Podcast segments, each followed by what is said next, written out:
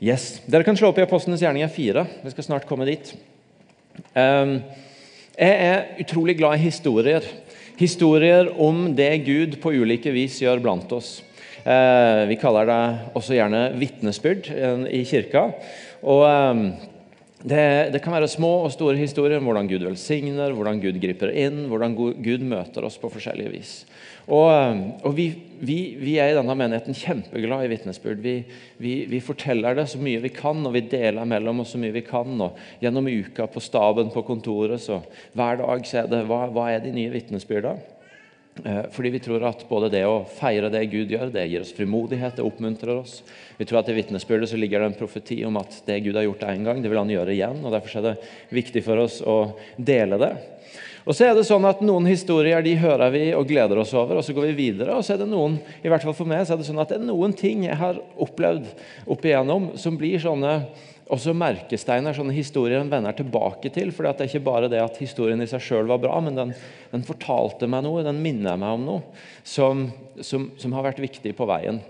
Det er ikke alltid sånn at de historiene, de, de som uh, nødvendigvis har de største miraklene alltid, selv om noen ganger er det det òg. Men, men, det er mer noe ved historien som, som, gjør at den har blitt med. Og En av mine sånne historier, favoritthistorier den eh, stammer fra torget i Stavanger. På akkurat en sånn dag som dette her. Jeg ser at dette bildet er litt gammelt, for det er Hauge og ikke Burger King på hjørnet der.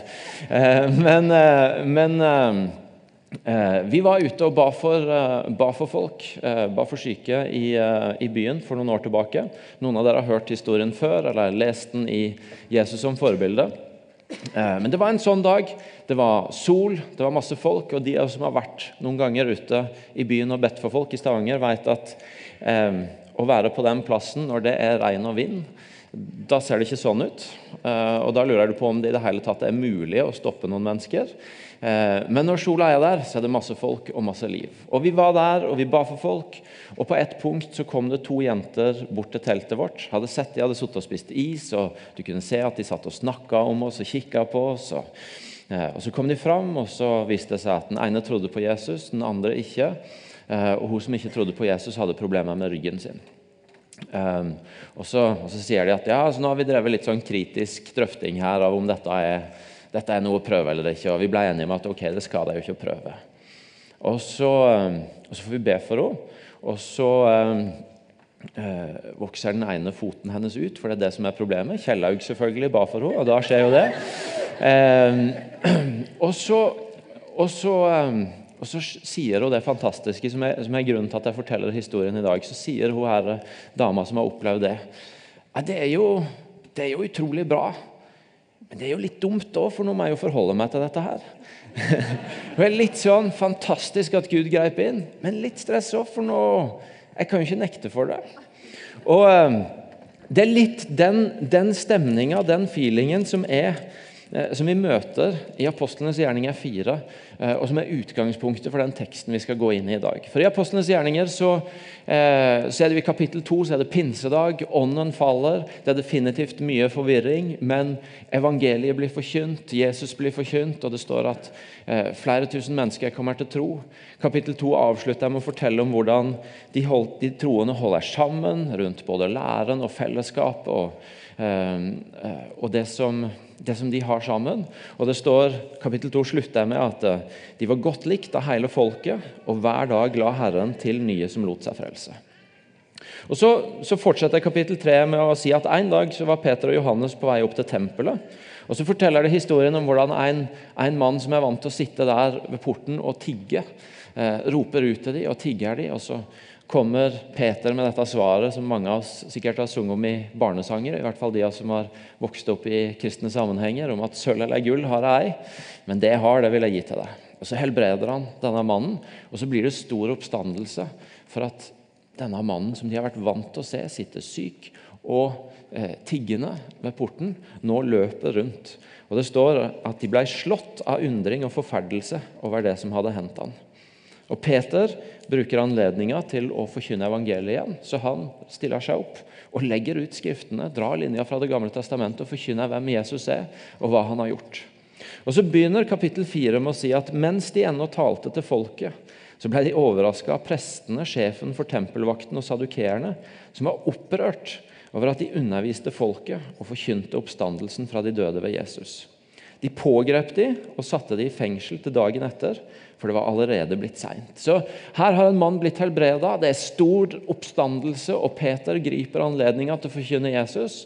Og, og, midt mens han står der og forkynner, så kommer det noen og griper de, tar de og setter de i fengsel, for de liker ikke at de forkynner Jesus. Så fortsetter kapittelet å fortelle om hvordan de dagen etter blir avhørt. og Igjen så er Peter frimodig. og han, han, Det står at han eh, ble fylt av Den hellige ånd. og Han svarer de på ingen måte unnvikende eller forsiktig, men han, eh, han bare kjører på om å forkynne Jesus igjen. Og så, og så, så står det et fascinerende vers der, vers 16. Det kommer opp på skjermen nå, tror jeg. Hva skal vi gjøre, sa, hva skal vi gjøre med disse menneskene? For de har gjort et åpenlyst under. Det er klart for alle som bor i Jerusalem, og vi kan ikke nekte for det. Hva skal vi gjøre med dette, da? Liker dårlig at folk blir helbreda, og at Jesus blir forkynt. Men de har jo gjort et åpenlyst under, og alle i byen vet om det. og Det er ikke mulig å nekte det eller dekke over det eller noe. Ja, Det er jo litt bra at jeg ble helbreda, men det er jo litt stress òg, for da må jeg forholde meg til det. Det er jo litt fint at han mannen ved porten der som jeg er vant til å se tigge, er frisk, men, men det er jo litt stress, for nå vet jo alle om det. og snakker om Jesus. Det er noe fascinerende synes jeg, med at med denne første menigheten. så På den ene sida har vi nettopp hørt at det står at de var godt likt av alle. Og Samtidig så leser vi om at de møter motstand, at de blir fengsla, at de blir noen vers seinere her forsøkt å trua til stillhet. Og midt i det så er det denne her forventninga. Ja, men hva skal vi gjøre da? Det har jo skjedd. Vi klarer ikke å stoppe det. Og det, det, er fascinerende når du, når du, lever i den dobbeltheten med at de var godt likt av alle, og samtidig Oi, hva skal vi gjøre med disse her? Det passer ikke inn. Liker det ikke helt, men klarer ikke å stoppe det heller. Det er, tror jeg, for oss som kirke og kristne i Vesten noen, et par tusen år seinere, så er det utrolig lett å havne i en sånn én av to posisjoner. Enten at vi, fordi vi vet at vi en gang var mange og kirka var stor, og, og nå, er, nå, nå, har det vært mange år med nedgangstider, og vi føler på at, at samfunnet blir mindre kristent, og sånn, så er det lett å, å søke mot det, det som sto i Apostlenes gjerninger 2. De var godt likt blant hele folket. Og tenke at hvis, hvis vi bare får folk til å like oss som kristne og kirka skikkelig godt igjen, så går det bra. Hvis bare alle klapper for oss og, og syns det vi holder på med, er bra, da, da, er vi på rett vei igjen. Og så er det bra at folk liker oss. Det står at de òg var godt likt blant hele folket. Men hvis, hvis, alt vi, hvis alt er som disippel, og vi som kirke møter i verden rundt oss, er applausen, så er det ganske gode sjanser for at vi egentlig ikke er helt på rett vei heller. At, uh, at det er noe som mangler. At vi egentlig bare gir det hvem som helst andre kunne gitt. Og at vi ikke bringer inn det elementet som gjorde at de måtte stoppe opp og si hva skal vi gjøre med disse folka her, da? Det passer ikke inn, og det vet ikke helt. og liker det, Vet ikke om jeg liker det engang, men, men, men vi klarer ikke å skjule det heller. Vi må ikke miste den edgen. Og så er det lett å gå i motsatt grøft og bli de som er som skal advare og si fra om hvor galt alt er. Og til og med skrive Guds dom innover ting. Og, og så blir det bare ikke et pent syn. Og det hjelper denne verden utrolig lite, og det lukter utrolig lite Guds rike av det. Og så langt jeg kan se, så går ikke Guds rike veldig mye fram av det. Jeg kjenner at jeg lengter etter å sjøl få lov til å leve i, og se menighetene våre leve i, og kirka i Norge leve i, den der dobbeltheten. Og jo, De var godt likt av alle, og, og hver dag la, nye, la Gud nye folk til som ble frelst. Og samtidig, hva i all verden skal vi gjøre med de? Skjønner jeg ikke hva som skjer. Hva er det disse bringer inn, som, som, vi ikke klarer å gripe, og som jeg ikke vet om jeg kan like engang, men som, som jeg i hvert fall ikke kan stoppe? Fordi det er noe helt annerledes. Det kjenner jeg lengter etter for mitt eget liv, og det, det lengter etter for kirka sin del.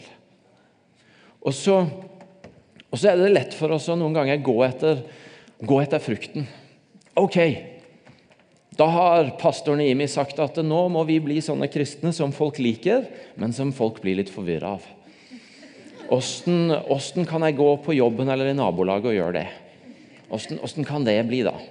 Så ok, jeg flytter inn i ei ny gate, og så går jeg rundt og har med meg en konvolutt med bowlingbilletter, siden det var et tips fra, fra første del av gudstjenesten i dag, og gir til naboene. og De begynner å like meg godt og er på hils med alle. Og... Men, men, så sa han jo at de skulle synes jeg er litt rar og bli litt forvirra.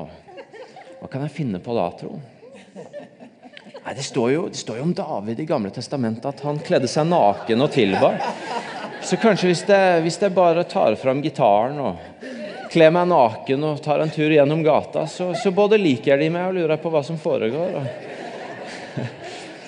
Og det fascinerende er jo at mens, mens, du tror at du går og skaper forvirring, så sitter naboen der og Hæ, har han nye kristne naboen meldt seg på i det der nakendate-programmet på TV Norge? Så de skjønner jo ingenting. Men dere tar poenget. Det er selvfølgelig karikert, men dere tar poenget. Noen ganger så, så, så begynner vi å jage etter resultatet. Men så er jo poenget at det som dette spinner ut av, det er jo det livet de har, som gjør at de ble godt likt. Men de ble også ganske forvirra.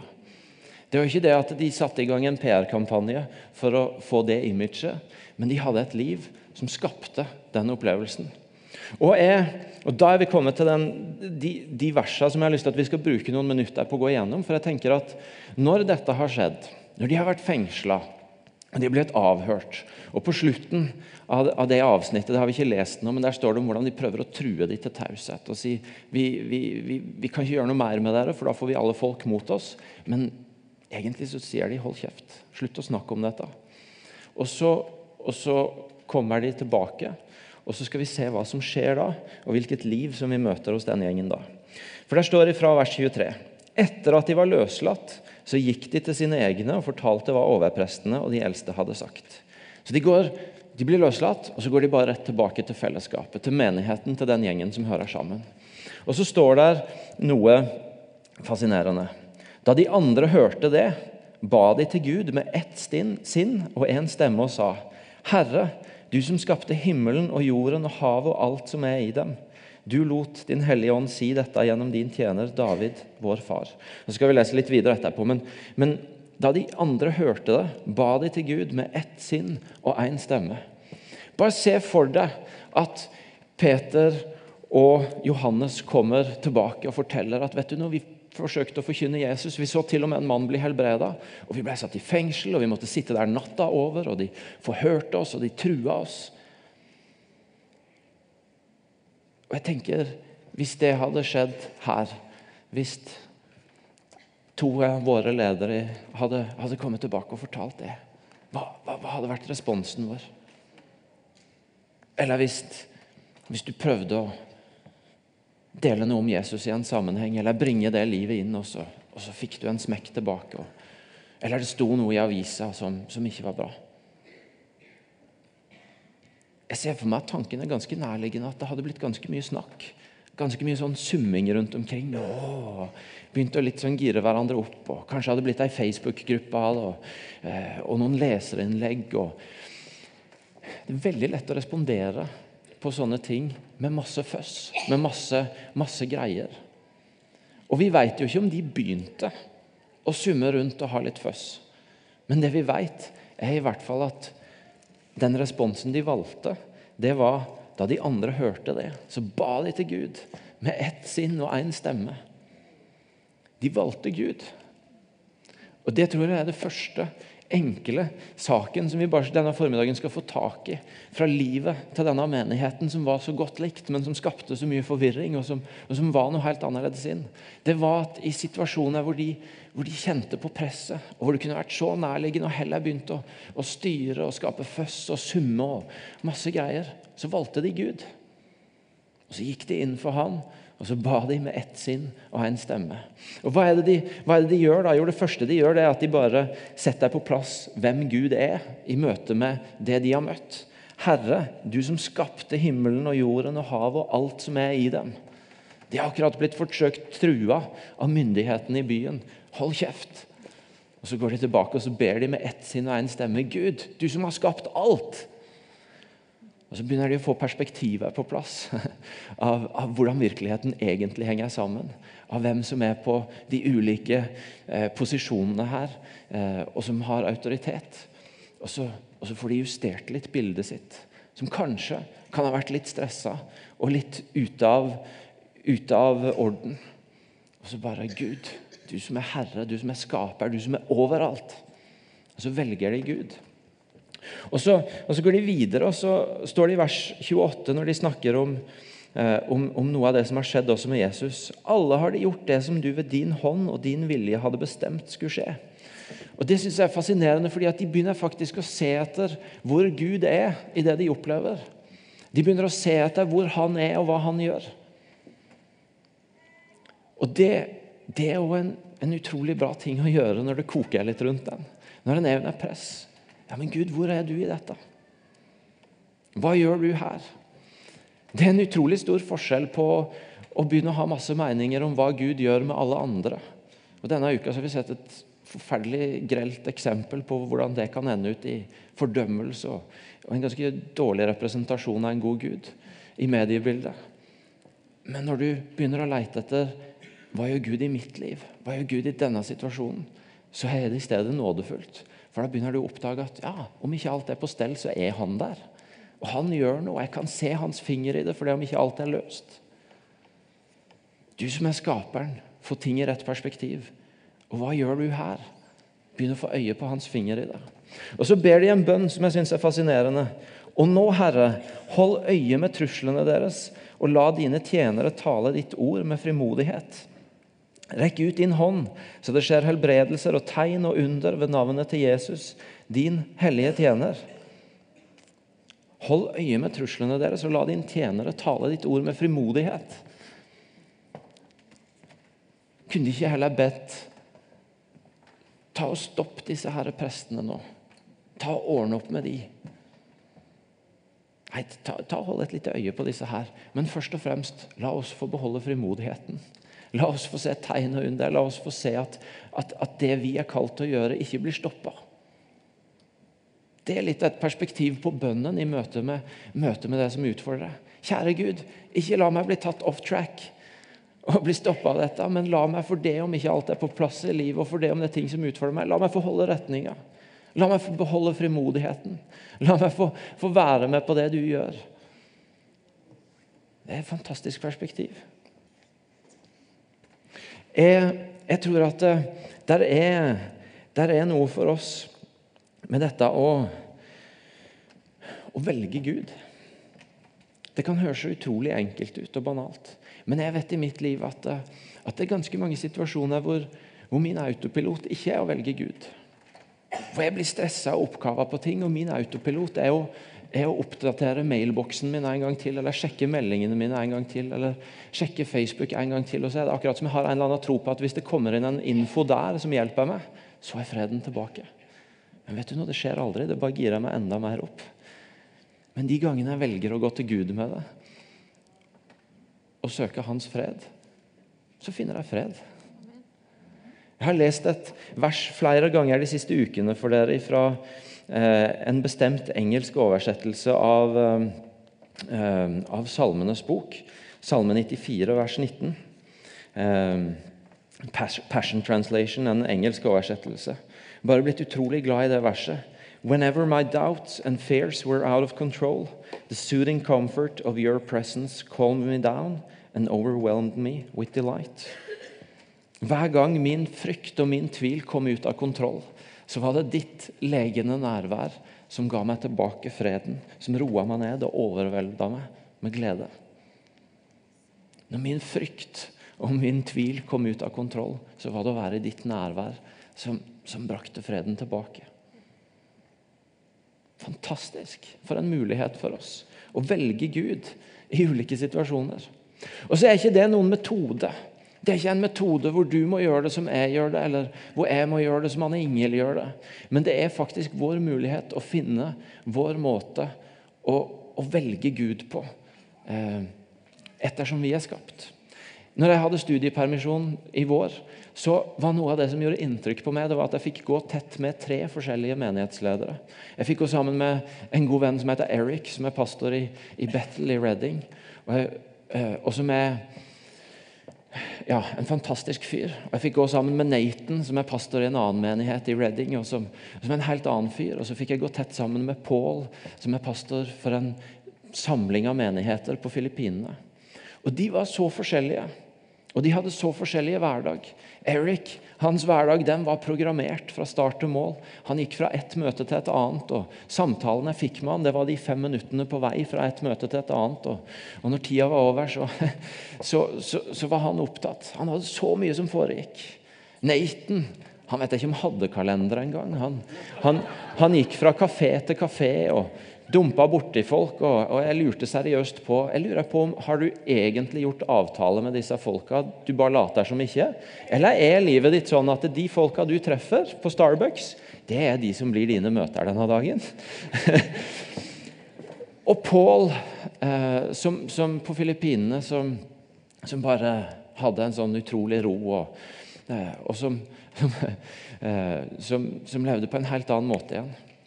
Og så var budskapet fra alle tre til meg det var vet du, det viktigste vi har å si til deg. det er Bare, bare pass på at du holder, holder lageret ditt full, fullt. At du bruker nok tid med Gud til at, til at lagrene dine er fulle til å møte de utfordringene du møter. Jeg, jeg, vi, vi, har egentlig ikke noe viktigere å lære deg eller tips å gi deg, selv om du har studiepermisjon og vi er pastorer. Men bare, bare pass på å holde tanken din full. Bare pass på å være med Gud. Det er det viktigste vi kan si til deg. Og helt ærlig, Hvordan Eric gjør det i den hverdagen hans, det, det aner jeg ikke. For, for, den så så full ut. Men det var helt tydelig at han gjorde det. For det som kom ut, bare vitne om det. Og Nathan han, han satt jo bare på kafé fra morgen til lunsj og leste Bibelen og ba, så, så han kan jeg for så vidt skjønne åssen det foregikk med. Men, og Paul han, han han eh, hadde en sånn greie på at når han hadde fått både kone og barn i seng, og klokka var blitt 10-11, så sto han opp igjen. og Så lå han og soka et par-tre timer og ba til Gud. Og jeg tenkte Bless you. det så så forskjellig ut. Men budskapet var det samme. og Poenget er du trenger ikke bli lik meg, du trenger ikke bli lik Anne Ingel, du trenger ikke bli lik Martin. Men det å velge Gud, det å velge Gud i hverdagen din det er ikke noe som skjer på autopilot, men det er noe av det viktigste du kan gjøre. For det gir liv. Og det gir liv som på den ene sida gjør at du bringer med deg noe som folk vil ha. Og på den andre sida gjør det at du bringer med deg noe som skaper forvirring. Og som gjør at folk må stoppe opp, og som noen ganger vil bringe deg i trøbbel og motstand. Men som faktisk er det genuine denne verden trenger. Og som er det genuine vi har å gi. Som ingen andre kan erstatte.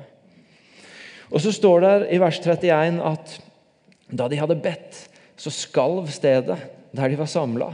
De ble alle fylt av Den hellige ånd og talte Guds ord med frimodighet. Det begynte å riste. Og De ble fylt av Den hellige ånd, og de talte Guds ord med frimodighet. Noe skjedde. Et sånt åndsliv fikk, fikk plass blant de, som var ubestridelig, som merkes, som hørtes, som kjentes.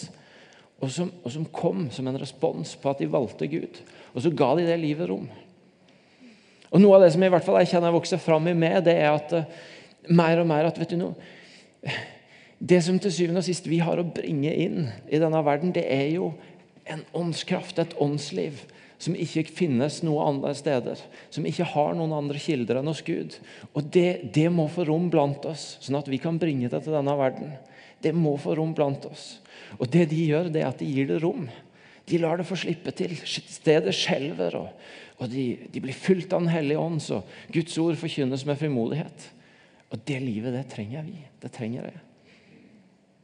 Derfor så har vi åpen himmelhelg. Fordi skal det der skje, så trenger vi litt tid, og vi, vi trenger å gi det rom blant oss. Jeg skal ikke snakke no, mye om dette, men jeg har lyst til å si én ting.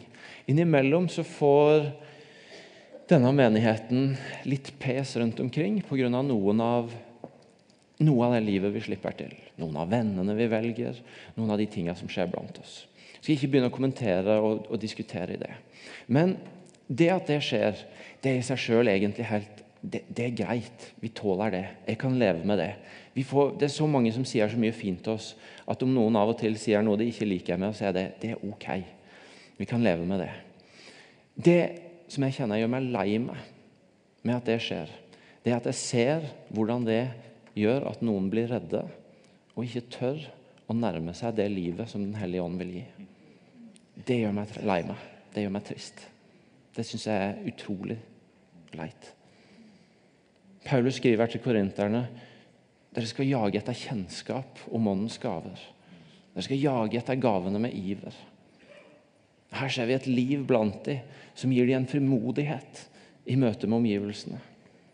Og Vi ser at, at, det er det livet som på den ene sida gjør at de var godt likt blant alle, og samtidig skapte den forvirringa som gjorde at her må, vi, her må vi forholde oss til hva som skjer. Og så er det noen som opplever at de blir tatt av frykt fordi de leser mange rare ting på Internett eller hører mange ting bli sagt. Og så tør de ikke å nærme seg det. Når jeg kom hit for åtte og et halvt år siden, så var det som hadde med karismatikk og åndsliv å gjøre, ganske ukjent for meg. Første uka jeg var på jobb, så var det Toronto-konferanse her. og siden har det gått slag i slag. og det har vært fantastisk. Jeg har blitt utrolig berika. Um, noe av det som har gjort at det har funka bra, det er at jeg har fått lov til å gå sammen med folk som jeg har stolt på, og som jeg har tillit til, og som har vært greit å stille spørsmål til. Og så har jeg fått lov til å gå litt steg for steg. Og så var det greit den første uka at noen ganger så var det nesten som jeg bare Ja, jeg bare satt og kikka. Tenkte nå kan jeg enten bli veldig urolig, eller så får jeg bare le litt, tror jeg. For, eh, for dette skjønner jeg ikke helt. Og så har jeg fått lov til å ta det litt steg for steg. Og så har livet mitt blitt utrolig berika av det. Og så har jeg fått se andres liv bli forvandla. Og så er det helt greit at jeg ikke har skjønt alt. Noe av det dummeste du gjør, det er å la frykten ta deg og rømme og bare bli stille. Helt greit å ikke skjønne. Helt greit å si i utgangspunktet så er ikke det der helt min cup of tea. Men ikke, ikke bare stikk fra det. Snakk med noen. La noen som ser tryggere ut i det, få lov til å hjelpe deg til å gå den veien. Og la det livet få rom. For det er så utrolig verdifullt. Og Hvis ikke det livet får være blant oss, så blir vi så lett enten bare de som får applausen, eller de som står på sida og kjefter. Men vi skal være de der som De var godt likt blant hele folket, men, men vi skjønner ikke hva som skjer. Det kan vi ikke få til sjøl, men det er det bare åndens liv som kan skape. Ikke bare gi slipp på det, ikke bare røm fra det. Alle de troende var ett i hjerte og sinn, og ingen regna det de eide, som sitt eget. De hadde alt felles. Med stor kraft bar apostlene fram vitnesbyrdet om at Herren Jesus var stått opp, og stor nåde var over de alle. De valgte Gud, de slapp livet til, men de valgte også hverandre. De valgte hverandre. Hva er det som så lett skjer når vi kommer under press, når vi får trusler utafra, når, når noen vil stoppe oss? Det er at vi også begynner å enten strides med hverandre, eller velge bort hverandre, eller rømme litt fra hverandre. Men de valgte hverandre. De hadde alt felles. De holdt sammen. De valgte hverandre igjen og igjen. Og vet du noe? Det er en del av vårt liv som jeg tror er en stor stoppfaktor for verden rundt. For ikke så lenge siden så satt kona mi og snakka med noen venner som ikke er en del av uh, noen menighet. Og de brukte ikke e-ordet. Og da tenker jeg ikke på elsker, men på ensom. Men det var egentlig det de beskrev. Og så sa de sjøl vi ser at dere har noe annet i menigheten deres. Og igjen og igjen så opplever i hvert fall vi at noe av det verden rundt oss setter ord på at de ser at vi bærer, det er at vi har en familie. De valgte Gud, men de valgte også hverandre. Og i det så blei det et liv som skapte glede, men også forvirring og stoppeffekt. Det har jeg lyst på. Det har jeg lyst på i mitt liv. Det drømmer jeg om for denne kirkas liv, og det drømmer jeg om for kirka i Norge. At de skal, de skal se at vi vil denne verden godt. De skal ikke helt forstå seg på oss, for vi bringer med oss noe som bare finnes en kilde for, og det er Gud og Hans ånd. Skal vi reise oss opp og be sammen? Jeg har lyst til å be for tre ting. Og vi har ja, vi har litt tid. Så flott. Du er litt sånn tima, du. Ja, jeg er det. Og da får vi tid til å be. Da får vi tid til å be.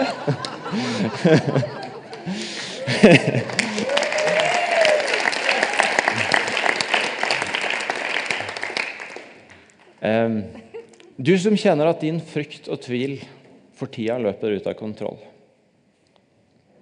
og som egentlig trenger å velge Gud igjen. Du har valgt han kanskje, du tror på han, du kanskje til og med ber og leser. Men du trenger å velge han, som i det verset jeg leste, at når, når det løpet er løpsk, så er det i ditt nærvær, Gud, jeg finner fred i han. Jeg har lyst til å be for deg denne formiddagen. Så Hvis det er du, så bare rekker jeg han i været, og så har vi lyst til å be sammen. Mm.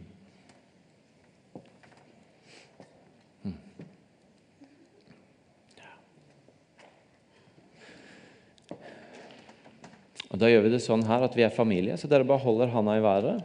Også dere som er rundt, legger handa på og, og ber for dem. Så, så leder jeg en bønn. Hold handa oppe til noen har kommet rundt deg for å be for deg. Kikk dere godt rundt i hele salen. Jeg ser ikke så godt helt bakerst, så dere som er bak, må gjøre det.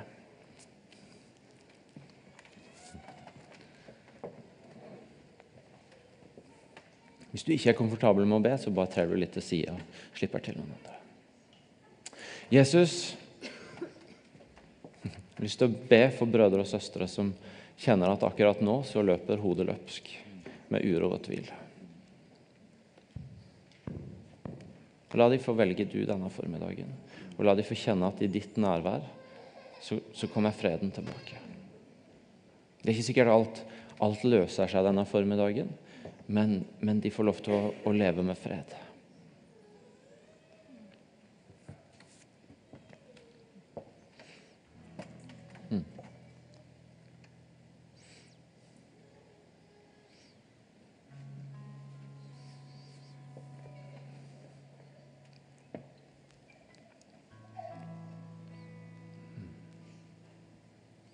Bare be ut, dere som står og ber for folk.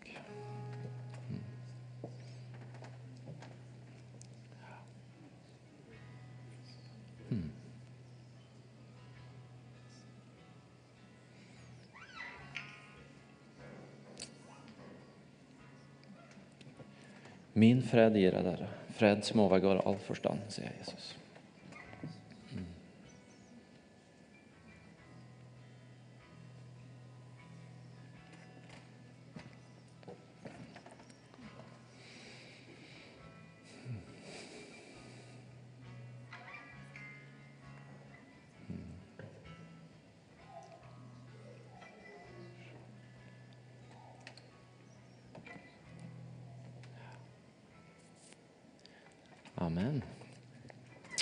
Så jeg har lyst til at du som Du som eh, Bare bli stående, for vi fortsetter å be sammen. Du som kjenner at vet du noe, det der eh, åndslivet, Den hellige ånds liv, det har jeg lyst til å se blomstre opp igjen. Jeg har kanskje vært litt redd for det. Jeg har kanskje holdt det litt på avstand. Kanskje vært litt redd for å være for ekstrem eller for ivrig eller virke for begeistra. Men jeg trenger det livet. Jeg har lyst til at du, Hellige Ånd, skal komme og, og fylle meg igjen. Kan ikke du rekke ei hånd i været, så har vi lyst til å be om at det skal skje.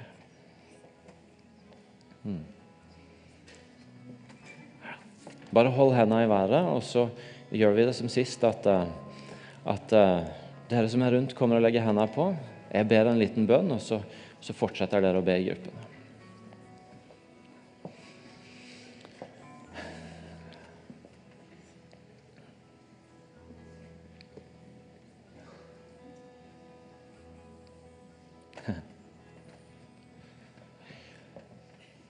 Hellige Ånd, Jesus sa om deg at det var, det var, bra for oss at han gikk bort, for da skulle du komme. Og Det betyr at du må være utrolig bra. Og Derfor så, så har vi også lyst til å be om at du skal fylle opp brødre og søstre som akkurat nå sier 'Jeg trenger det livet'. Jeg trenger at du, Hellige Ånd, bare fyller opp og blåser pust, eller puster liv. Blåser pust. Puster liv i det som, det som du har for hver enkelt her.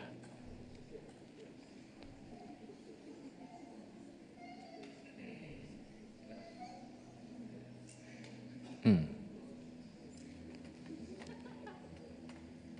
Fyll opp, Hellige. Fyll opp.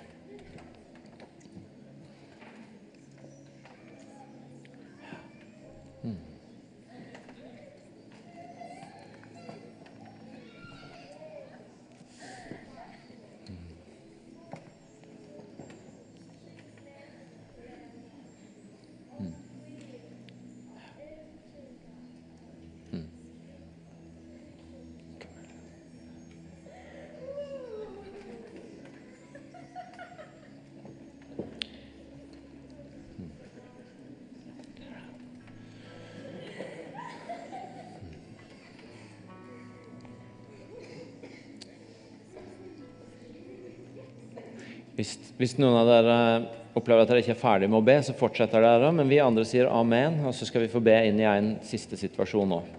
Eh, for du som vet at Vet du noe? Jeg har egentlig valgt isolasjonen foran fellesskap. Jeg har valgt å gå bort i stedet for å velge fellesskap igjen, sjøl om jeg trenger det. Og som kjenner denne formiddagen, vet du noe? Jeg trenger å velge, velge fellesskap igjen. Jeg trenger å velge menigheten, kanskje. Jeg trenger å velge de vennene mine som jeg vet jeg hører sammen med, og som er familien min. Kan ikke du bare gi ei hånd i været, så har vi også lyst til å be for du denne morgenen om at du skal få oppleve at jeg får lov til å velge igjen og søke mot istedenfor å søke bort fra folk. Ei hånd i været hvis det gjelder du. Jeg vet at det kan Kanskje er det den mest sårbare tingen å respondere på, men dette er et trygt sted. Vi er familie, og det som vi ber for her, det, det er her. Så bare gi han i været hvis det gjelder du. Og igjen så legger dere hendene på de som står med ei hånd i været, og så ber vi.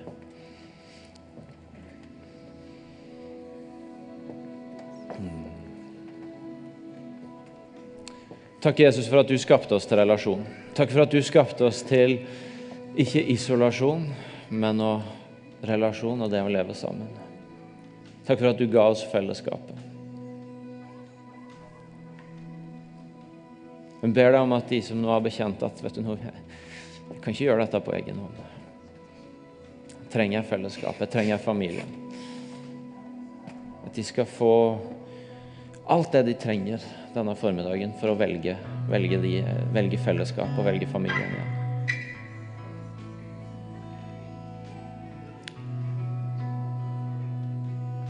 Hvis det er frykt som må brytes ned, så bryt ned frykt. Hvis det er sår og konflikter som må ryddes opp i å snakke ut om, så gi, gi visdom til det. Hvis det bare er vaner og mønstre som må endres, så gi gjennomføringskraft på det. Mm.